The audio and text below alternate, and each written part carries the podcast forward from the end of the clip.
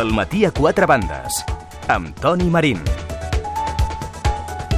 Les 10 i 7 minuts, seguim en directe. Això és eh, Ràdio 4, és el matí a 4 bandes. Ara de seguida ens eh, posarem amb aquesta història que de veritat tenim ganes, eh? que és agafar aquesta llei de seguretat ciutadana, posar-la al damunt la taula i parlar amb experts que ens expliquin què opinen sobre el contingut del que, recordem, encara de moment és un avantprojecte i recordem també una altra qüestió, que s'havia de presentar avui al Consell de Ministres, però finalment s'ha endarrerit i serà, tot fa indicar, el divendres vinent, quan el Consell de Ministres en parli sobre el contingut d'aquesta llei de seguretat seguretat eh, ciutadana que comporta, doncs bé, ja ho hem eh, explicat abans, no? tot un seguit de qüestions que van des d'encerclar, per exemple, una institució de l'Estat, com podria ser el Congrés dels Diputats, encara que estigui eh, buit, això podria comportar multes molt importants, a eh, manifestacions que no estiguin autoritzades, a fer fotografies, per exemple, o rodar en vídeo imatges d'un policia eh, quan està fent un acte de servei, o, per exemple, ho dèiem també abans, el fet de que un eh, pare hagi de ser responsable d'aquells actes que en un moment donat pugui, ser el seu, eh, pugui fer el seu fill menor d'edat. Ara de seguida parlem una mica de tot plegat. Abans, Víctor Llopart, bon dia, Víctor. Bon dia. Les grans xifres del dia ja les tenim clares, no? Sí, avui ha sortit el sol a les 7 i 48 minuts del matí, es pondrà a les 5 i 27 del vespre, la prima de risc ara mateix en 234,7 punts bàsics, una baixada del 0,72%. Avui jo crec que tothom té clar eh, de què és l'aniversari, no? Avui fa 50 anys d'això.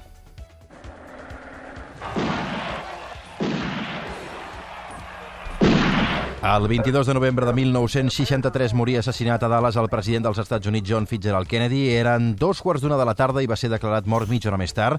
Es va detenir Lee Harwell Oswald uns minuts després, que sempre va negar haver disparat Kennedy, però mai va arribar a ser jutjat perquè dos dies després seria assassinat per Jack Ruby, un gàngster de Dallas. I des d'aleshores que s'han anat succeint les teories sobre la seva mort i sobre qui hi havia al darrere. Curiosament, el mateix dia del mateix any moria l'escriptor Aldous Huxley, autor, entre d'altres, d'Un món feliç, una novel·la que ofereix una visió pessimista del món mostrant una societat regida per un sistema immutable de castes. I, afortunadament, també el mateix dia del mateix any, els Beatles treien a la venda el seu segon disc, que es deia We the Beatles i que feia menys pessimista el món pronosticat per Huxley. Avui fa 38 anys que Joan Carles de Borbó era proclamat rei d'Espanya i dos anys més tard, el 22 de novembre de 1977, British Airways inaugurava els vols regulars del Concorde entre Londres i Nova York. I avui fa 22 anys que coneixíem això. noticia que ha saltado a, a los periódicos, por lo menos los ingleses y en otros muchos lugares también, que Freddie Mercury efectivamente para callar todos los rumores ha reconocido que efectivamente tiene SIDA, pero que no hay peligro, bueno, que no hay peligro, perdón, hay peligro, pero que él ha preferido tomárselo con absoluta tranquilidad. És Joaquín Luqui anunciant que el cantal de Queen tenia sida i, en contra del que ara sentíem, moriria només dos dies més tard. Que maco tornar a escoltar Joaquín Luqui, eh? Sí. Encara que només sigui per un instant. I la música del dia ens la porta avui... Avui és el dia de Kennedy, però com dèiem abans, també és el dia dels Beatles. Abans explicàvem que els Beatles havien tret el seu segon disc un dia com, d'avui, eh, com avui, de fa 50 anys, i sembla que això els hi devia anar força bé, perquè 5 anys més tard, avui fa 45 anys, en treien un altre amb un nom molt original, The Beatles. Víctor de gràcies i fins després. Bon Bon, dia. dia. Raimundo Viejo, què tal? Bon dia, senyor Viejo. Hola, bon dia. Li agraden a vostè els Beatles o no? Bueno, jo soc més del Rolling, però... sempre... Sempre estem allà mateix, no? Sempre estem allà mateix. Senyor Pavón, bon dia. Hola, bon dia. A vostè li agraden els Beatles? A mi també. O també és més Rolling? Els dos. Els dos. Ambivalent. Molt bé. Sí, jo crec que es pot ser dels dos, eh? Efectivament. I, no, I que no passi res, eh? I que no passi res. Raimundo Viejo és expolitòleg, és expert en moviments socials de la Universitat de Girona. Antonio Pavón és vocal de la secció de Dret Constitucional del Col·legi d'Advocats de Barcelona. Estaran amb nosaltres per parlar, efectivament, d'aquesta llei de seguretat ciutadana. Recordem que, de moment, insisteixo, perquè això és molt important i per eh, parlar les coses com són. Estem parlant d'un avantprojecte de llei, per tant, poden haver-hi canvis en el que és el redactat final eh, de la llei, però com a mínim ja sabem el que sabem. Senyor Viejo, del que sabem, a vostè què li sembla? Mm, bueno, em sembla que estem davant d'una regressió, d'una involució important en el marc de, de l'estat de dret i de les garanties no? de llibertats i drets eh, civils. En quin sentit? Doncs en, la, en, en el sentit... Mm, Doncs que ja d'en- ja d'entrada estem en un debat que és pervers, és a dir, perquè és un, un debat en l'anteprojecte que, que, el que, està fa, que el que està fent eh, és posar en qüestió coses bàsiques, és a dir, eh, el dret de manifestació, eh, el control de la policia, eh, el fet de mm, disposar, diguem-ne, allò de, de, de la possibilitat d'expressió eh, del descontentament i del dissens públic, no? Uh -huh. eh, són eines bàsiques de, de la democràcia. Eh, I llavors, en aquest sentit, eh, clarament, ja veurem en què queda, perquè jo crec que molt del que està passant s'ha d'analitzar precisament en, aquest, en aquesta mena de, de globus sonda, no? De, en, Ahir ho dèiem, ahir ho dèiem, no? Sí, que ja, no? i, i a la política hem trobat mil exemples de com efectivament a vegades això passa, no? Que es llença Sí. una notícia, a veure fins on arriba i què genera, i després al final, no? I, de fet, ja l'estem veient, és a dir, que en el moment en què hem de traslladar de les paraules als fets, als fets legals, és a dir, als, als marcs formals, no? Uh -huh. eh, allò que s'està dient, eh, les coses queden... Bé, aquí un exemple molt clar, per exemple, xarxes socials, tot el Twitter, la, el Facebook, les convocatòries, aquesta voluntat de controlar aquestes eh, convocatòries i aquestes formes noves d'acció col·lectiva, eh, això es troba de, de front a un mur que és molt clar, és el mur dels drets de la privacitat. Eh, Un compte del Facebook o o del Twitter són comptes privats i és comunicació privada. I llavors, Ja. una de dues, o respectem la, la inviolabilitat de la correspondència o estem fent el que feien els Mossos fa uns dies es veiem, no?, amb la, aquesta, la tia catalana, amb, el, no? amb aquest espionatge de, dels activistes eh, en, el, en el qual el que directament s'està fent eh, és, eh, és, bueno, és controlar el que són eh, expressions de, o bé de dissens en l'op- en l'opinió pública o bé de comunicació privada. És a dir, no es pot evitar això. Senyor Pavón, Sí, bon la, seva, la seva primera impressió sobre el que estem parlant, per on va? Eh, voy a dar mi opinión personal, por supuesto no es la opinión de la Comisión de Constitucional, simplemente es la mía. Y en primer lugar vamos a la semántica. Yo cambiaría esta ley por lo poco que conocemos, porque sabemos que es un anteproyecto. No es la ley de seguridad ciudadana. Yo la cambiaría por la ley seguridad anticiudadana. ¿Por qué digo anticiudadana? Porque, eh, por lo que se conoce, están cercenando los derechos fundamentales de los ciudadanos españoles. Eh, lo del tema del retraso, esto es lógico. Es un retraso lógico que hacen todos los partidos que están en el gobierno. ¿Por qué? Porque lanzan este globo sonda, oyen lo que estamos diciendo aquí en todos los medios y ellos de alguna manera ah, pueden aquilatar un poco el tema.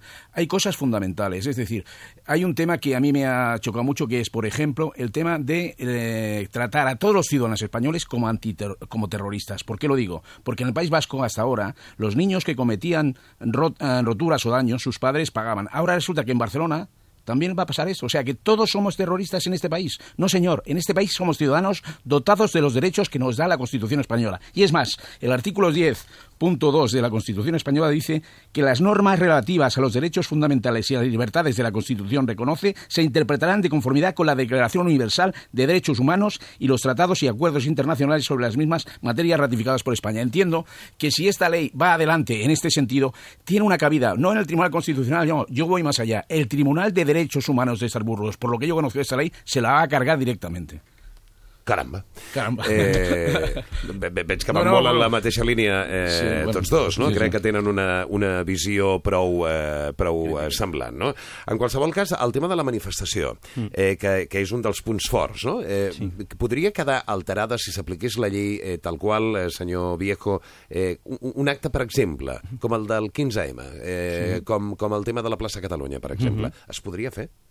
És que aquí hi ha, un, hi ha un problema. La Constitució garanteix el dret de reunió, de, de llibertat d'expressió, en fi, hi ha uns drets fonamentals que estan assegurats. I llavors, si una persona no porta armes, si una persona no eh, fa cap acte de violència, doncs eh, té tot el dret eh, reconegut i, i constitucional a reunir-se a, a la plaça Catalunya o, o, atenció, o al voltant del Parlament perquè això s'ha de dir també, és a dir, no hi ha cap tipus d'inconvenient, és a dir, no hi ha un problema aquí. Sempre que... Una altra cosa és que després els Mossos s'infiltren les manifestacions amb caputxes, amb persones que el que es dediquen és al sabotatge, i com s'han vist, i estan fotografiats, i estan identificats, i hem, i hem hagut de viure situacions pròpies de sistemes pseudodemocràtics en les quals les forces policials els que han anat és a sabotejar el dret constitucional de manifestar-se pacíficament de la gent. Per què? Perquè el que, és que no es vol és veure i acceptar el grau de civisme que té la ciutadania en aquest país. És a dir, aquí portem ja 30 anys de democràcia i el, els únics que no s'han adaptat a la democràcia pel que es veu són les forces d'ordre públic. I ara tenim un govern que, evidentment, el que està fent és intentar, en la mesura del que pugui, perquè no pot, i té uns límits clars, per això és el globo sonda, i per això aquí hi ha un problema també, eh, eh, el que intenta és adaptar això a evidentment, les demandes de les eh, forces repressives, dels mecanismes, diguem-ne, de control social. No? Ara de seguida tindrem ocasió de saludar un portaveu dels Mossos d'Esquadra per veure quina és la seva opinió justament sobre aquesta qüestió, perquè és evident que sobre tota qüestió eh, hi ha gent que opina una cosa i hi ha gent que opina eh, una altra. I, eh, bueno, anem a veure què és el que diu David Miquel. Senyor Miquel, què tal? Bon dia. Hola, bon dia, Toni. David Miquel és portaveu del Sindicat de Policies de Catalunya. Pel que fa a aquest aspecte concret de no poder eh, treure fotografies de, de la policia mentre eh, estan fent eh, la seva feina, per exemple, en una manifestació, vostè què en pensa? Nosaltres hem dit que no hem entrat a valorar doncs, l'esborrany d'aquesta llei o uh, perquè, per, primer perquè no tenim encara el text definitiu, per tant uh, no ens hem aventurat a fer cap mena de, de valoració sobre, sobre la resta del text ni sobre el dret a manifestació i tot això no vull volem entrar-hi perquè són temes polítics. Nosaltres ens hem centrat única i exclusivament en què és l'apartat la, i el que coneixem és el que ha sortit publicat en premsa que es referiria a la protecció jurídica dels agents de policia a l'hora de treballar i nosaltres ens hem mostrat favorables a tot el que sigui doncs, que els agents de policia en l'exercici de les seves funcions tinguin més protecció jurídica. Perquè creu que estan molt desprotegits fins ara? Home, en aquest país surt més, uh, més car uh, que se t'emporti el cotxe a la grua doncs que doncs, no fer cas a les instruccions que et donen policia o, o fins i tot doncs, agredir-lo. No? Ens hem trobat amb casos on la sentència per, per donar-li una bufetada a un policia han estat de 60 euros. Per tant, eh, nosaltres eh, considerem com a positiu eh, el que és reforçar la protecció jurídica de la, dels agents de policia en l'exercici de les seves funcions, i és el, que hem, és el que hem dit i és el que hem declarat. Ja li dic, senyor Miquel, que tinc a dues persones eh, a, a, amb mi a l'estudi, que tots dos estan fent que no amb el, amb el cap. Permeti'm que anem a investigar com el tinc, com el tinc a l'altre costat del fil telefònic i així podem contrastar les seves opinions. Senyor Pavón, per què sí, deia vostè que no? Yo absolutamente discrepo del, del Mosso, con todos mis respetos, dado que eh, se trata cuando uno atenta contra un miembro miembro de las fuerzas de seguridad, es un delito de atentado. Yo mm, actúo en los tribunales diariamente, porque además estoy en el turno de oficio, y veo cada día que la palabra de un policía es mucho más eh, importante a la hora de valorar la prueba y la condena que la palabra de un ciudadano. Voy a poner un ejemplo que no tiene nada que ver con esto, entre paréntesis. En Francia, por ejemplo, para poder tener una multa de aparcamiento tienen que estar dos policías porque la palabra de un ciudadano francés equivale a la palabra de un policía. En España no es así. En España la palabra de un policía, judicialmente hablando, es mucho mayor que la de un ciudadano. Y del tema de las fotos, si queréis hablo, Claro, eh, Hace cuatro días, lo hemos visto todos, han asesinado a un señor en, en, en, la ciudad bella y si no es porque unos vecinos han podido grabar esto, esto hubiera quedado impune, como pasaba en los tiempos de Franco, y perdonad que hable de Franco porque yo soy muy viejo, y cuando veía a los grises que hacían lo que les daba la gana. Hemos avanzado en la civilización, no podemos ir para atrás. El derecho a información incluso es para poder ver que las fuerzas de seguridad actúan con sus protocolos. Yo no pido más que la policía actúe con sus protocolos. Si ellos no saben hacerlo, que los enseñen. Eh, Yo imagino, que, que, imagino sí, que vol contestar, ¿no? Sí, David? no, resulta curioso que usted hable de derechos cuando acaba de vulnerar uno que es el de la presunción de inocencia de los agentes de policía. Usted sí. ha dicho que han asesinado en Ciudad Bella. Yo creo que hasta que un tribunal no los condene, precisamente, eh, pues hay que mantener la inocencia de sus agentes y usted acaba de vulnerar ese derecho, ¿no? Naturalmente no retiro la, la palabra y pongo delante presunción. Disculpe. No, no, es que eh, las cosas vamos a decirlas no, un poco dicho, puntualizando, ¿no? A mí ya me parece que es muy atrevido y muy osado por su parte hacer esa afirmación de manera tan tajante. Bueno, eh, yo, le pido disculpas nada más. No, no, pero usted ya lo ha soltado, ¿no? Entonces, yo, um, yo discrepo y podemos discrepar lo que quiera.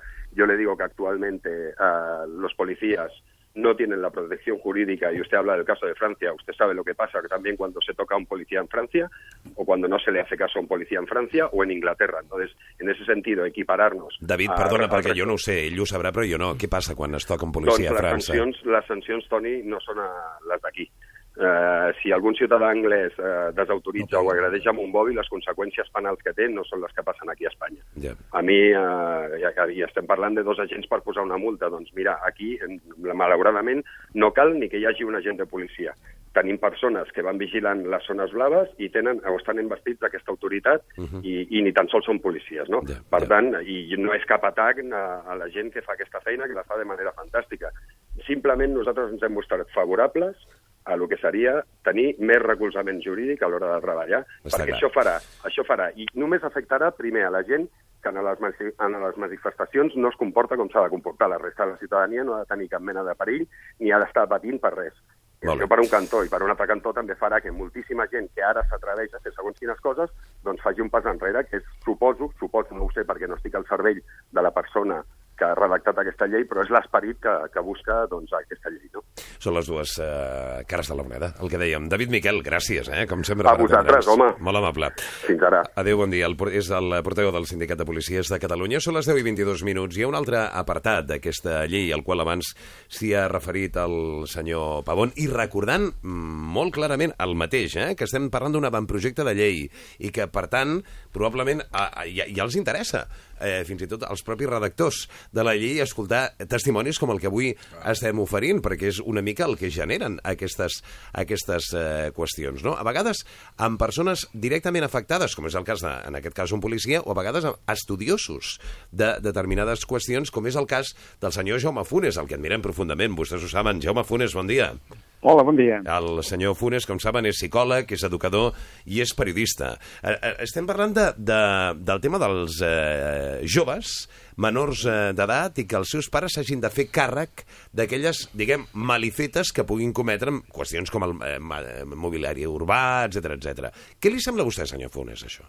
Eh, a veure, mm, pensant bàsicament en adolescents i joves, com sempre és eh, pensar que una resposta policial, una resposta sancionadora, podrà modificar aquest tipus de, de conductes adolescents. Eh, no calia aquesta norma. La llei de responsabilitat penal del menor existeix la les dues possibilitats. D'una banda, el que facin treballs en servei de la comunitat, el que reparin el que han fet, i fins i tot existeix la possibilitat de que els pares, com a responsables legals últims, siguin responsables civils dels que fan.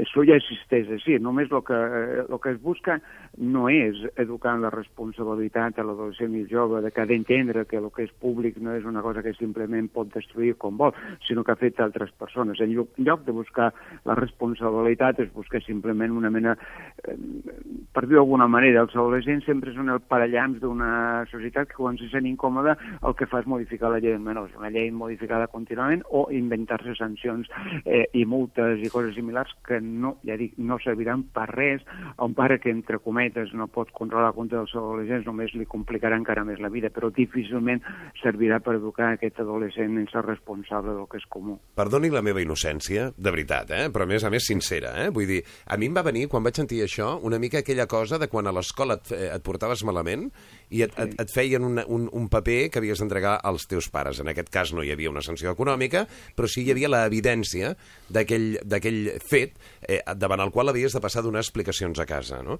Jo vaig interpretar una mica que probablement eh, hi havia un punt d'això, és a dir, que a una família que en un moment donat no saben que el seu fill potser mm, després a la nit surt de festa i crema papereres, doncs eh, que el fet de que els pares ho sàpiguen també pot condicionar d'alguna manera un comportament més cívic, en definitiva, d'aquest nano, no? No podria ser això?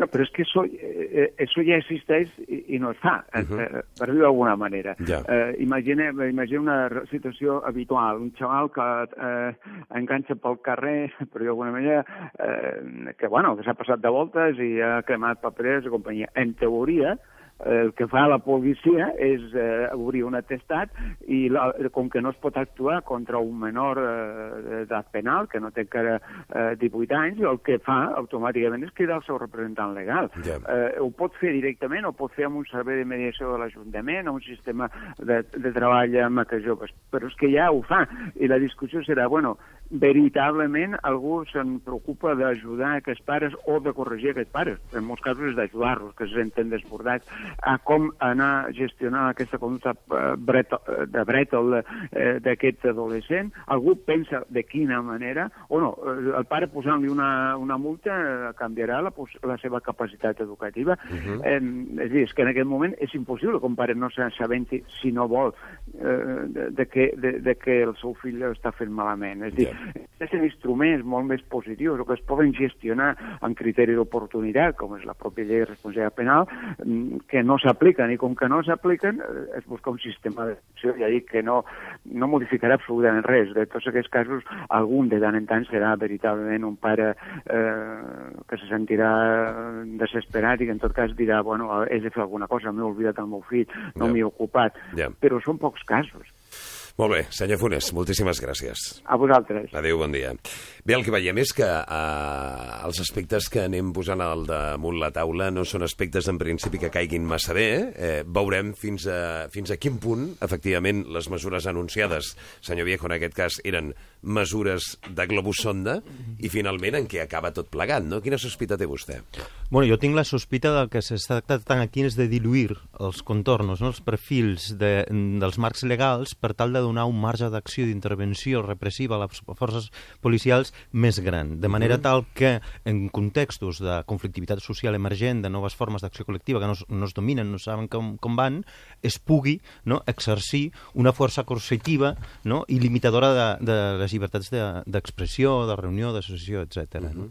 I vostè, senyor Pavón, Sí, yo com como creu he- que acabarà tot això? Como he dicho al principio, creo que esta ley es una ley de seguridad anticiudadana. ¿Por qué? Porque no hemos de olvidar el contexto donde estamos. Hay una crisis galopante que afecta a todos los sectores. Por tanto, amordazar y no, Acérquese- dejar, y no dejar a protestar a la gente, que es lo único que le queda a la protesta.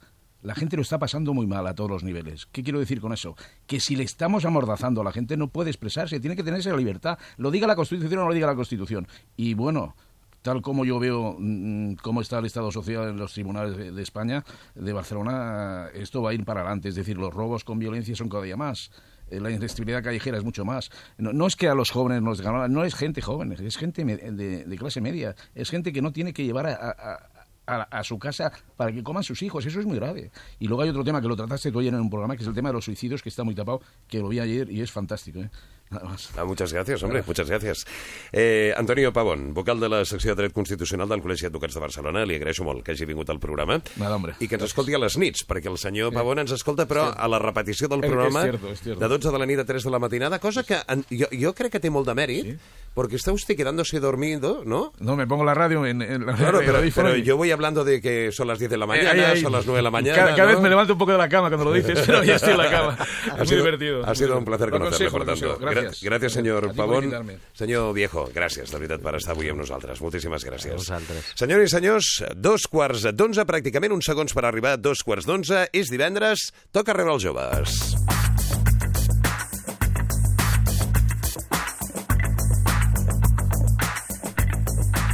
Gina Giró, què tal? Bon dia, Gina. Hola, bon dia. T'he vist com molt d'acord, eh, eh, has entrat que quedava un minut, eh? però eh, molt d'acord amb el que s'estava dient per aquí, no? Sí, estic, estic força d'acord, la veritat, perquè jo sóc la primera que defensaré sempre el respecte envers les autoritats, però ara mateix és un moment de crisi i crec que aquesta llei està molt enfocada a, doncs, a limitar molt la, la llibertat d'expressió i de protesta del, dels ciutadans, que ara és més necessària que mai. Insisteixo, eh, que ja veurem en què queda tot eh, plegat, que això havia d'arribar avui al, eh, al eh, Consell de Ministres, que finalment s'endarrereix eh, la seva arribada i que estem parlant només d'un avantprojecte. Acaba de seure el Marc Sisquella. Bon dia, Marc. Bon dia, Toni. Fa fred, no? Tinc la sensació? Sí, fa fresquillo. Perquè no t'has tret ni la cosa del cap, vull dir encara, eh, el gorro del cap. Tens fred? Eh, a les mans una mica, Aquí, que has vingut a moto. en bici. En bicicleta.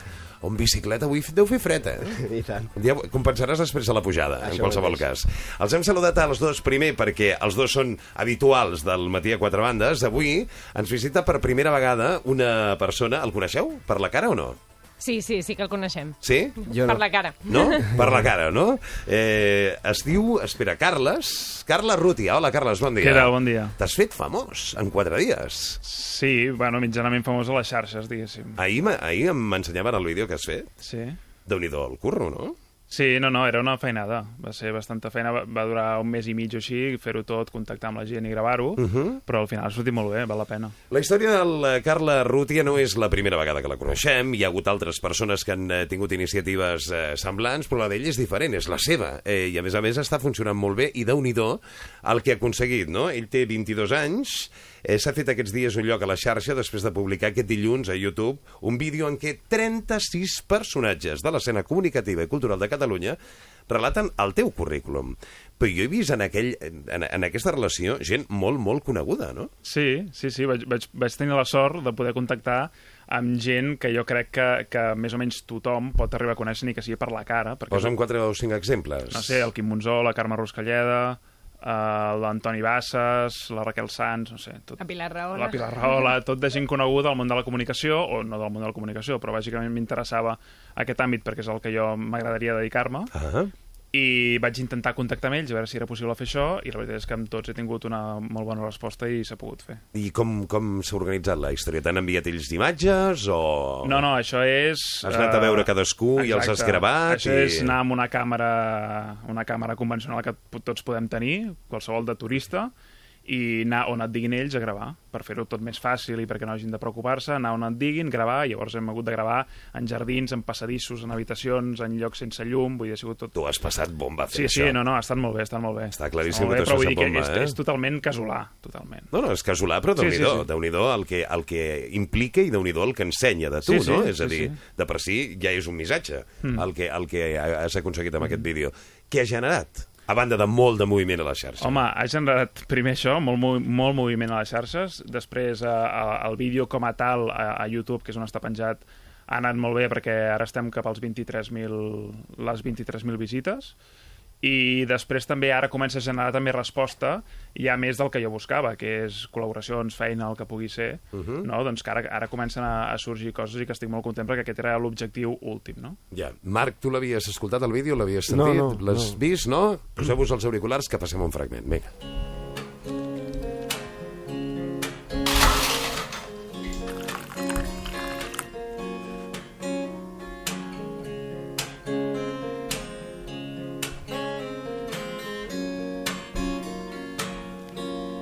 Treballa ni descansa. És barceloní, té 22 anys i té moltes ganes de treballar. Treballar. Treballar, treballar, però treballar en què? Ell té una passió, una passió a la que voldria dedicar la seva vida professional. Una passió que es resumeix en dues paraules. Comunicació. Política. Tot el que sigui periodisme polític, comunicació institucional, discursos, guions... És el seu món. Escolta, i, i aquest tio eh, ja està preparat? Està preparat. És politòleg. Va estudiar els 4 anys de carrera a la Pompeu, la Universitat Pompeu Fabra. És politòleg, no polític. No, no és el mateix. I després ha continuat. Ha volgut especialitzar-se en allò que li agrada. I ho he fet cursant un màster en comunicació política i social. De fet, ha estat alumne meu. I amb mi va estudiar Bé, i així, perdoneu, eh? Està al YouTube, eh? Vull dir que qualsevol persona que el vulgui anar a veure es pot imaginar que és una successió d'imatges de tots aquests personatges, als quals alguns hem reconegut les veus, altres Sí. no tant, però vaja, les, eh, les cares són fantàstiques. Mm. T'han fet alguna oferta de feina? Uh, estic començant a rebre coses. Sí? sí, sí. O sigui, no, no tinc res tancat ni res, òbviament, però estic començant a rebre coses i això és el que m'agrada perquè és una mica el que buscava. Clar, clar. Una cosa és la repercussió, òbviament, que està anant molt bé, però aquesta repercussió, si no va acompanyada de- d'algun fruit, no? d'algun resultat, i, i ara està començant i estic content. Comunicació política. Sí. Amb la que està caient. No t'ho Sí. diuen, això? No, Que- do- doncs, doncs jo els, crec que... Els que, ja, els que ja ens dediquem, no? Que diem, Sí, sí, ostres... sí. I jo crec que, que és un món que va més, eh, sincerament, el de la comunicació, o sigui, el de, el de la, encara que no només sigui política, o sigui, comunicació d'empreses o política o saber explicar uh Mhm. bé les coses que vols dir, com a empresa, com a partit, com el que sigui, jo crec que això cada vegada ha d'anar més. No? L'altre dia, dia parlàvem amb dos investigadors que acaben de fer un llibre fantàstic, un d'ells és el David Bueno, eh, i van estar amb nosaltres explicant-nos eh, el, el, el fruit de la seva investigació. No? I fora d'antena, Gina, em deien és que és molt important la investigació, però tan important com la investigació és saber-ho explicar perquè la gent entengui de què estem parlant, no, Gina? Sí, tu, estic totalment d'acord. Jo no estic molt ficada en el món de la investigació, però sí que és cert que moltes vegades te n'adones com en, el, en els diaris doncs, els descobriments científics que es fan o els petits avenços que poden tenir un impacte, una repercussió, si no a curt termini, sens dubte si a mitjà i a llarg termini, doncs cada vegada falta aquesta capacitat comunicativa perquè la gent valori doncs, tota la feina de- d'investigació i de recerca que de vegades es fa. També crec que potser mm, no de la man no es recolza molts amb Mhm. els pressupostos, per exemple, però sí que, sens dubte, falta aquesta, aquesta comunicació perquè la gent en sigui conscient de els esforços i recursos que molta gent dedica, moltes vegades no remunerat com hauria de d'estar-hi, no? El, aquesta tasca que és tan important pel futur. Què penses, Marc? Bueno, jo sí que estic ficat en el món de la investigació i la persona, el periodista, no, que, que agafa doncs, d'un estudi i, i ho transmet en un diari, jo penso que té una feina doncs, que jo, per exemple, de moment no sé fer, perquè jo ara mateix no et sabria explicar el que estic fent perquè m'entenguessis, m'entens? Ja. Aleshores, Això és molt important, i, i està molt bé saber-ho, també, eh? Vull dir, està molt bé saber-ho. Vull dir, la, la feina de, del comunicador aquí és, és realment vital. I ella... Hi ha una dada curiosa, perquè sempre ens queixem de que no s'inverteix en investigació, però poder hi ha altres coses que estan pitjor com l'educació. Vull dir, a mi el meu professor m'ha dit el govern inverteix més per cada ratolí que matem que per cada nen de guarderia. I això no hauria de ser així. Parlaríem en proporció, espero, no? Vull, no, vull dir que, que hi ha més diners posats en cada, sí, Sí, sí, en, sí, cada, sí. en cada ratolí que, que, en cada, que en cada nen de guarderia i això, doncs, està bé la investigació però no hauria de ser així, hi ha coses prioritàries Sí, no, jo amb això estic totalment d'acord, eh? Vull dir, en cap moment li he tret la, la No, no, importància no, no. a l'educació No, i el que estic passa tot que aquí, això- el que està passant amb la llei Claro, verd eh, és... això és una, vull dir, això és una dada que, que si no estàs ficat dins del món, doncs, doncs no sí, la no, saps. evi evidentment t'ho agraeixo perquè no, no la sabia i també crec que s'ha d'apostar molt més per l'educació dels 0 als 3 anys, no? per Claro. exemple, que, que el que s'està fent, però jo em referia, per exemple, que, tot i que no estic ficant al món de la investigació, sí que conec molta gent que està fent doctorats que han hagut de marxar fora, perquè el, les beques que se'ls hi donava sí, aquí, doctorats d'investigació El fet científica, de marxar fora també et dona prestigi després, vull dir, i, i, i però és... no tenen clar si podran tornar, eh? I aquest és claro, el problema. Claro, això també és un problema, però el fet de, de marxar fora per investigar et dona, et dona altres... Però hi ha dues maneres, d'enfocar segurament, no? No sé què penseu. És a dir, està molt bé que un pugui marxar fora a investigar perquè és una decisió. Eh, si ho has de fer eh, Forçat. forçat, obligatòriament, aquí la cosa ja canvia, no? És el mateix motiu pel qual ens han fet un far de rebre persones que no és que volguessin venir eh, dels seus països i abandonar les seves famílies eh, aquí a guanyar-se la vida. És que no podien fer una altra cosa. Això és el mateix que està passant, això sí, amb la diferència de que no estem amb una eh, emigració de patera, sinó amb una emigració que afortunadament pot viatjar doncs, amb un avió i arribar i tenir una habitació. Després també escoltes a molts dels nanos eh, que se'n van fora eh, i, i estan eh, potser fent feines que són les feines que eh, no vol fer ningú. Fa pocs dies segur que heu conegut no? la història d'aquell nano que té dos doctorats o, eh, eh, i, una llicenciatura i em sembla que algun màster també i que diu que està rentant vàters al, al, al Regne Unit. No? Vull dir que eh, tot és eh, molt maco d'una banda, però després concretes una mica te'n trobes eh, una altra història. No sé què penses, Carles, tu. Sí, sí, és, és això. Una cosa és, és marxar perquè tu vols fer-ho, però tens la possibilitat de quedar-te aquí, i en canvi dius, no, no, vull marxar fora perquè vull experimentar altres coses i veure com es viu a fora, etc. I l'altre és no trobar cap mena d'oportunitat aquí i no tenir cap altre remei que haver de marxar. I a sobre haver de marxar sense saber molt bé on vas. És a dir, no, no, marxant a un lloc segur i a un lloc que saps que tindràs feina, sinó marxant, marxar com a supervivència. És a dir, marxo aquí per veure què trobo allà sense saber bé què hi haurà. Què diu Gina? Mm, plenament d'acord, vull dir, el, hi ha molts exemples com aquest de gent que està molt formada i no troba feines, el mercat laboral doncs, no li ofereix aquestes oportunitats per les quals s'ha estat formant. I jo doncs això, no, que està fora, jo sóc la primera que vaig estar, per exemple, aquest estiu fora i evidentment si tens la sort de poder fer-ho doncs um, és una grandíssima oportunitat, però que el teu país no t'ofereixi aquestes oportunitats, si tu, per exemple, vols desenvolupar-te professionalment aquí, això doncs és, és una mica trist, no? I també, d'altra banda, crec que totes les reformes educatives que s'estan fent, que generen tanta polèmica, s'estan centrant en aspectes realment molt banals i molt poc importants, quan s'haurien d'anar més encaminades doncs, a, a solucionar aquest desajust entre la formació que es dona i després el, el, les feines, o sigui, què demanar al mercat laboral. Que no estic dient que l'educació s'hagi d'enfocar només per trobar una feina, perquè amb això, per exemple, també estaria totalment en contra, perquè l'educació no és només preparar-te per una feina, ha de ser quelcom molt més integral, però crec que totes aquestes reformes educatives que s'estan fent van no en la direcció correcta, incorrecta, sinó que és que van en l'oposada, vamos. Algú vol dir alguna cosa? Jo la veritat és que amb això de sortir fora tinc el, el cor dividit, no? Perquè jo sóc el primer que poder, doncs, no em ve de gust sortir, però també veig que el fet de, de sortir és algo que, que et forma i que pot aportar a la teva formació idees noves que tu després pots venir aquí i transmetre's a la gent d'aquí. És una manera de no tancar-te en, en lo carca que pot ser el teu país, m'entens? I anar a altres llocs que poder van dos passes endavant del que vas tu. Teniu la sensació de viure en un país carca? Home, en segons quins aspectes, sí. Per exemple, aquest, aquest tema és fantàstic, anem a parlar d'això. Home, i tant, no? Suposo que estarem d'acord, almenys amb el tema polític, i segons quins temes polítics concrets o de, o de, o de, de democràcia sana, diguéssim, jo crec que és bastant evident que... Si, si no carca, és molt millorable, crec jo. A veure, com el milloraries, Carles? Home, no sé, però jo crec que es poden fer moltes coses per fer una democràcia més, de, més del segle XXI, no? una democràcia més actualitzada. Tenim molts, molts casos, eh, ara ho veiem, per exemple, amb, amb la majoria absoluta del PP, que es prenen moltes decisions que, que es tira molt de majoria absoluta, que no, que no s'escolta el. Ara amb el... Però hi ha algun país on no sigui així? Quan un eh, Sí, sí. país, quan No, un no, govern és- té majoria absoluta? Segurament no només és el cas d'Espanya, eh? Vull dir, és, ho podem fer extensible a molts altres països.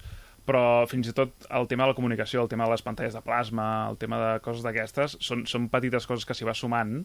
Uh, és un país democràticament carca, crec jo, eh? almenys.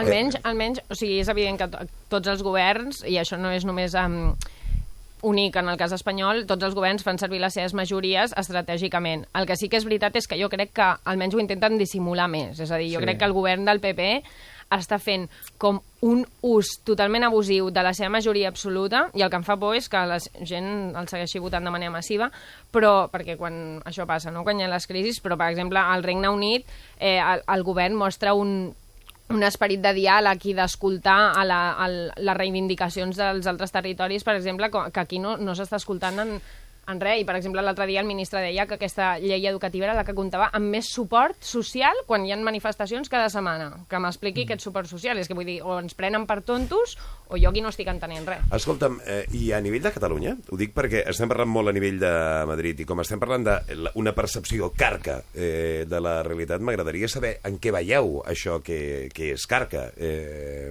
A nivell de Catalunya, també? Bueno, clar, és, és on vivim, no? Sí.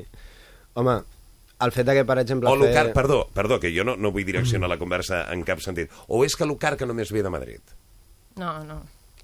No, Ho dic perquè les úniques crítiques que heu fet han vingut mm, del govern de Madrid, quan diguem que a Catalunya moltes de les coses que, eh, que vivim, que generem, que tal, abans parlam de- d'estudis, i ha transferit el tema de, de, de, de l'ensenyament a Catalunya, el tema de la sanitat està transferit a Catalunya, tenim una policia que és la policia de, de Catalunya, vull dir, fins a quin punt tot és Madrid o també hi ha coses del govern de Catalunya que tenen a veure amb aquesta sensació carca que teniu del lloc on viviu. Jo crec que a Catalunya també tenim el nostre carquisme, si vols dir-li d'aquesta manera, i, i, o coses que no ens deixen evolucionar com a societat més, més avançada o més progressista. Vull dir, el fet de que la segona carrera et costi 40% més o el segon màster et costi un 34% més, si és dins de Catalunya, i és algo que només hem fet nosaltres, això és algo que, que és tirar pedra sobre la nostra taulada. Podries tenir gent molt ben formada que, que et marxarà per fer altres coses.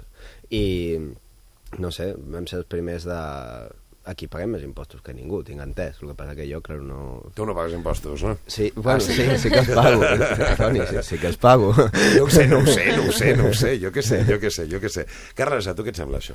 No, aviam, sí que és veritat que aquí també tenim el nostre carquisme, però jo crec que no és comparable perquè aquí no, no podem tenir els mateixos recursos que es poden tenir a Madrid com a nivell d'estat. És a dir, un estat no pot tenir els mateixos Però, recursos. el, però un, un moment, a veure, el, el que una societat sigui carca ho defineix els recursos que tingui o la ideologia que té?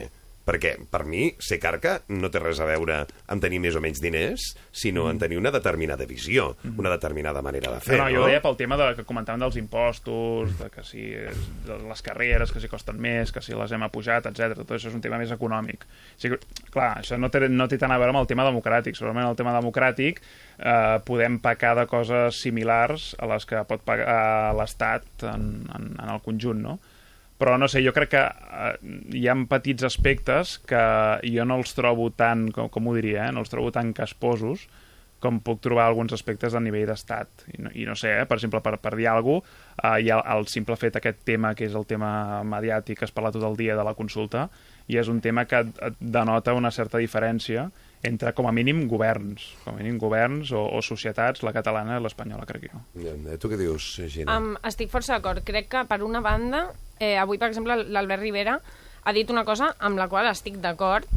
No vol dir que sempre estiguem d'acord, però amb aquesta cosa Hi ha eh, algú amb el estic que, d'acord amb hi ha ell. algú amb el que sempre estiguis d'acord? No, amb ningú. Amb ningú, per sort. Um, deia que moltes vegades aquí a Catalunya ens pensem que tots els problemes venen de Madrid i que nosaltres som molt diferents a Espanya. Que, i, i que no veiem realment que en, en moltes coses tenim els mateixos problemes que a Espanya, que en altres serem diferents, d'acord, però que realment el que necessitem és també ser autocrítics, no? Si de veritat ens estimem, doncs Catalunya o Espanya, el que sigui, aquí cadascú pot decidir. Però jo sí que veig que en el tema cultural segurament i també inclús econòmic, Catalunya ha estat sempre molt més pionera i molt més doncs, trencadora que Espanya, no? i Espanya sempre ha anat una mica més a remolc. El tema és que ara sí que ens trobem doncs, totalment sense recursos, no? Però, d'altra banda, crec que en la política ara Catalunya sí que s'està caient en un carquisme, ara que estem parlant d'aquest terme, que tampoc sé si existeix, però bueno, li hem dit així, i crec que estem tot el dia parlant del mateix d'una manera que amaga molt els problemes reals. Tot el dia parlant del mateix al Parlament i això crec que és un, una manera molt tradicional i molt poc neta de, de no treure la llum els problemes que realment té la gent. No? I l'altre dia, quan jo veia l'Oriol Junqueras dient que perquè no li feien les preguntes a ell, vull dir, ja estem arribant com a un, a un nivell de, que jo ho veig tot molt surrealista. no, però tenia no? raó de ser que Oriol Junqueras digués allò en, en aquell moment, perquè Jo no, jo no, jo no... No ho vas entendre? Jo, mm, vull dir, ho vaig entendre, però... Bueno, potser no ho vaig entendre, però jo no estava d'acord, perquè vull dir... Esquerra Republicana ara ja està ficada una, al, dins del govern, no?, d'alguna manera. Vull dir, pren les decisions, eh, fa tota la pressió per prendre decisions que li vagin bé, però no, no assumeix cap desgast. No, I ja, que no se ja sembla que Oriol. Junqueras es pensa que és el president. No, el que passa és que se li estava preguntant en tot moment a Artur Mas per les declaracions que havia fet Oriol Junqueras. I va ser per això que va dir, home, ja que no m'ho pregunten a mi, Sí, però també és normal que la, les preguntes se li facin al president del govern, no? Dic, jo vull dir, és el que a mi em va semblar, em va semblar una miqueta estrany. Rodrigo, què tal? Bon dia. Una mica més i no arribes avui. Sí, sí, eh, eh, el, la, la remodelació de les Glòries m'ha fet una mala jugada. Mira, parlem de remodelacions. Parlem de remodelacions. Avui el diari Ara publica en portada eh, el nou Camp Nou. La possibilitat de construir un nou estadi del Futbol Club Barcelona. Eh, tu que fa estona que te l'estàs eh, mirant, Carles, t'agrada la idea aquesta o no? A mi, sí, sí, sí. No, l'he no pogut llegir amb atenció, eh? però en principi m'agrada sem sempre que el barcelonisme, diguéssim, els socis eh, la, la trobin bé, jo sóc barcelonista i si, i si s'aprova em sembla perfecte. Una altra cosa és també com la comuniqui al, al club, que això és un altre tema que, que tampoc té... Vull dir que té una experiència que comunicant grans projectes no és gaire bona, allò que dèiem abans de la comunicació. Ja. I, per exemple, amb el tema dels nens no, no se n'ha sortit gaire. Si això ho sap comunicar bé i sap fer un projecte nou que engresqui, jo crec que pot estar bé. Eh, Gina, tu què dius? Vaja, la veritat és que no, no sé en absolut els detalls d'aquesta notícia, No, jo tampoc. però no però sé el si titular, hi ha necessitat. No? El titular es, d'un nou Camp Nou, ara, I en què es fonamenta? Aquesta? És que no, no, no veig que hi hagi la necessitat de fer un nou bueno, que hi ha Camp Nou. un acord, eh, sembla ser, no?, que podria incloure uns terrenys de la universitat, em sembla... Ah. i Sí, és que no, no he llegit res, la veritat. Sí, però sí. vaja, últimament també la Junta Directiva del Barça està prenent unes decisions que em, em sorprenen molt. Per què ho dius? Doncs perquè no, amb, després de treure l'UNICEF de les samarretes de Qatar Airways, després es parlava de posar Qatar Airways a les grades, vull dir, em sembla que realment sí que estem sent bastant més que un club, semblem una, una empresa ja És que directament. és, és que és una empresa. Sí, és una empresa, però vull dir, tot el que sempre ens hem omplert la boca, jo també sóc del Barça, però crec que... Sí, sí, o sigui, evidentment som... Sí, us, us heu omplert la boca, però els comptes eh, havien de sortir, no? Sí, però jo crec que el Barça es pot permetre mm, que li surtin els comptes sense haver de lligar la seva imatge a Qatar Airways. segurament el que passa és que suposo que en situacions desesperades i jo crec que ara mateix tots els clubs estan en situacions desesperades doncs, doncs agafes eh, el que més diners et dona És que no només això, el, vull dir, tots veiem el Barça com un primer equip, però tota la cantera que té al darrere, en comptes de ser com molts equips, que és el que és sub, substància el primer equip, és, és una inversió que multimilionària que jo no, jo no he mirat les comptes, però no estranyaria que costés alguna cosa semblant al primer equip. Vull dir, aquesta gent té molts gastos i aleshores necessita necessita, necessita agafar diners d'on sigui, suposo. Vull dir, en el moment en què jo no tens... Sé, jo no sé, de tota manera, si eh, el contracte de mm, Leo Messi no pot eh, ser fins i tot superior al manteniment de totes les categories inferiors del Futbol Club Barcelona, eh? Jo- no, no sé Jo jo si No és sé. això el que encareix els... Em dic jo, eh? No tinc ni idea. No, eh? els- Però- els pobres de totes, categories de totes maneres no. també hem de dir que el Barça eh, compra molts joves d'altres d'altres canteres uh -huh. i, i això també doncs, Però el, a lo millor és més car que... a, els del Madrid no us ha tret cap ni una, no?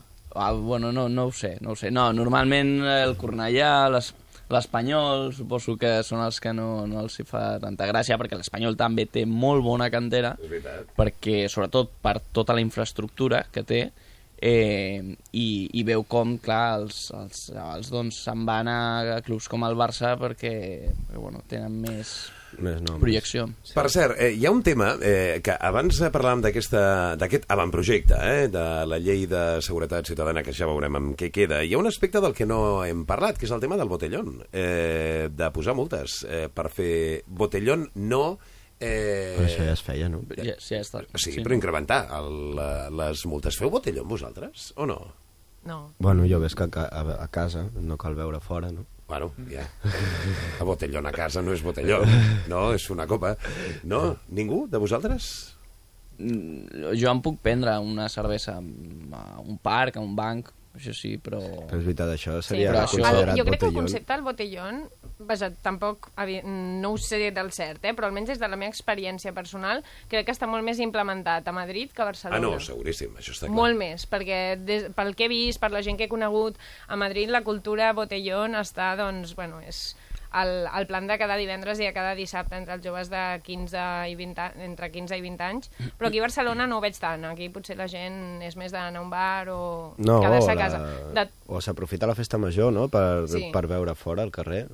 Clar. No? Sí, però de totes maneres, no sé, vull dir, segurament em sembla bé, però que tampoc sigui una multa superexcessiva. És brutal la notícia aquesta avui d'aquestes tres dones que han estat segrestades durant 30 anys, eh? Què dius? 30 anys, eh? Brutal, eh? Què deu ser una vida així, no? Carles? Bueno, és que no és vida. No és vida, efectivament. Sí, sí, és treure la vida. Inclús quan, quan ja t'alliberen, jo crec que no... Tampoc eh, tens una vida gaire fàcil. Per no dir que tens una vida destrossada igualment, perquè és incorporar-te a una societat després de 30 anys d'estar totalment absent d'aquesta societat, vull dir, no, no saps absolutament res, no, no saps inclús relacionar-te, no, és, és, és tornar a néixer, però malament. Hi ha, hi ha, hi ha ments... Jo aquesta setmana porto, porto allò donant-li voltes al cap, un parell o tres de, de notícies que dius, és que sense cap altra història, és que no, no les puc entendre, no? No les puc entendre. Com es pot tenir eh, tres dones tancades en un lloc durant 30 anys? Com es pot fer això? Quina ment mm, pot, pot justificar això, no? Eh, ahir escoltava també que el, el pare aquest que va degullar el seu fill, eh, que, que no té cap mena d'alteració mental. O sigui, no és, no és un boig, no és una persona amb esquizofrènia. A vegades us fa por la, el, el, el cervell humà fins a, fins a on pot arribar? Sí, de fet... de fet, hi ha molta gent que convivim que poden ser potencialment gent psicòpata o alguna així. No, però és, és així, és a dir, tu tens un gen que no, que no s'activa fins que no reps un, trau, un trauma mm, físic, psicològic o el que sigui. I aleshores, si tu, si tu ets així i tens la mala sort de patir qualsevol alteració que no pot ser comú en tothom, se t'activa i fum. Aquesta no, no és cap tonteria, el, eh, ni molt menys el que diu el Marc Sisquella. Eh? Aquesta setmana justament el llibre eh, que, del, del que parlàvem amb David Bueno eh, té a veure sobre la violència no? i com d'alguna manera tothom té un punt de violent que s'activa en determinats eh, moments. Eh, no sé, eh, Rodrigo, què penses de Sí, tot sí, això? sí, jo ho entenc, perquè hi ha vegades que, que mataries algú, no? Però, però després et passen les ganes, no? Perquè dius, no, si no és un liu tot, la policia... La... És per això, eh? Sí, sí. És per al líder És- després és per de la no, policia. Per no molestar, per no molestar. Per no molestar, per no... Què penseu, Gina? A mi, El a tema mi, de la a mi de violència? moment no m'ha passat, però No, no, vaja, però- potser però corro el fixa't- perill que se m'activi el gen, però de no, moment... però és, és un tema més seriós el que us estic plantejant. Eh, el, el que us estic plantejant és que vivim en una societat en la que molts màsters, moltes històries, molts eh, viatges a l'estranger, molt tot el que vulgueu, i en definitiva seguim reproduint un sistema de violència pràcticament Sí. calcat, I- si no més, eh, de- de- d'on venim, no? Que som animals. De què serveix tot jo crec això? que té bastant a veure en que la, la societat avui en dia estem avançant molt en certs aspectes, potser de, del coneixement, etc, però estem abandonant una mica el que és el, el cultiu personal i espiritual, no? I crec que això moltes vegades fa que ens trobem una mica, doncs, que sí, que potser tenim moltes coses, estudiem moltes carreres, treballem, tenim molts amics, tal, però què hi ha, no, després? Vull dir, i ara m'estic posant una miqueta filosòfica transcendental, però crec que és veritat, no? Quan no ens coneixem a nosaltres mateixos, quan no pensem realment en què és el que realment volem fer amb nosaltres, i no, no, no voler fer d'activitat, eh, sinó doncs, més profundament, crec que et trobes amb una buidor personal que pot desencadenar aquestes accions de, de violència i de ser ofensius amb els altres quan no saps molt bé què, què estem fent aquí, no? I, i ja l'última cosa que volia dir és el paper de la justícia, perquè aquests que han tingut a, aquestes pobres dones segrestades crec que ja estan amb llibertats sota fiança. I clar, crec que s'han de reformar una mica... Vull dir, ha d'estar més equilibrat. No, no pot ser que tinguis tres dones segrestades durant 30 anys i que al cap de dos dies ja estiguis en llibertat. Carles, què dius tu? Sí, no, no, jo crec que el, o sigui, l'estudi sociològic, diguéssim, jo crec que és, és de lo més apassionant que hi pot haver. Jo, jo no, ni m'hi dedico, ni m'hi he dedicat, ni crec que m'hi dediqui, però, però crec que és una, una cosa superinteressant perquè és que el cervell humà és per, per bé i per mal, eh? crec que és el tema és els temes més apassionants que hi ha i realment com, com ens relacionem amb, amb societat, etc és tot tan complex i tan, tan estudiable que... No, segur. Sí, sí, és apassionant, crec Jo que. penso que és el fet de estar sempre, sempre reprimint coses, ja sigui a la feina, a l'escola, al no sé què, que al final sempre som tanta gent que al final algú peta. I passen aquestes coses. Si poguéssim viure en una societat que no ens haguéssim de reprimir tant el que pensem o el que volguéssim dir, poder aquestes coses no passarien així. Voleu dir que no acabem donant les culpes sempre de tot als altres? És a dir, a la societat, i que hi ha un punt de responsabilitat personal claríssim en, en qui fa una acció d'aquestes característiques, no? Sí, sí. Bueno, hi ha una dita que diu reconocer los errores es humano, pero darle la culpa a los demás es más humano aún. Ah. Mira, aquesta està bé, aquesta està bé. Què diu Rodrigo?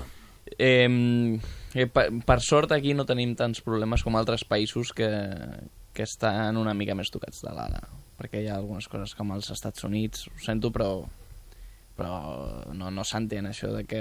Tinguin armes. De que, no, de que tinguin armes no, això ja és el de menys, no? El fet no de... crec que sigui el de menys, eh? No, no, simplement no, no crec que sigui la, Sí, la sí. raó principal. Mm. Eh, però clar, el fet de que vagi una persona que totes les setmanes estiguis amb... Ah, mira, avui és divendres, avui ve el boig a, a matar uns quants, no? Ostres, avui és divendres. Ara què Però jo penso? crec que si a Espanya hi haguessin armes, per desgràcia, segurament també hi haurien més conflictes d'aquest És probable, és més que probable. Gina Giró, Rodrigo Martínez, Carla Ruti, Marc Esquella, ha estat un plaer tenir-vos avui amb nosaltres aquí al programa. Moltíssimes gràcies. Eh? Gràcies. Gràcies. Eh, Si algú es vol quedar a conèixer el eh, Xavi, Na, eh, Xavi Navarro, que de, o Xavi Narro, que de seguida estarà amb nosaltres, només us dic que és un senyor que s'ha anat amb la bicicleta, ha fet tota la volta al món. Ha fet gairebé 40.000 quilòmetres en bicicleta. Ha estat un any i mig, pràcticament. El coneixerem en uns minuts, també Camil Roca, també la seva convidada, i també, lògicament, a Gonçal de Martorell. Última hora del matí a quatre bandes de Ràdio 4 en aquest divendres. Ara tornem.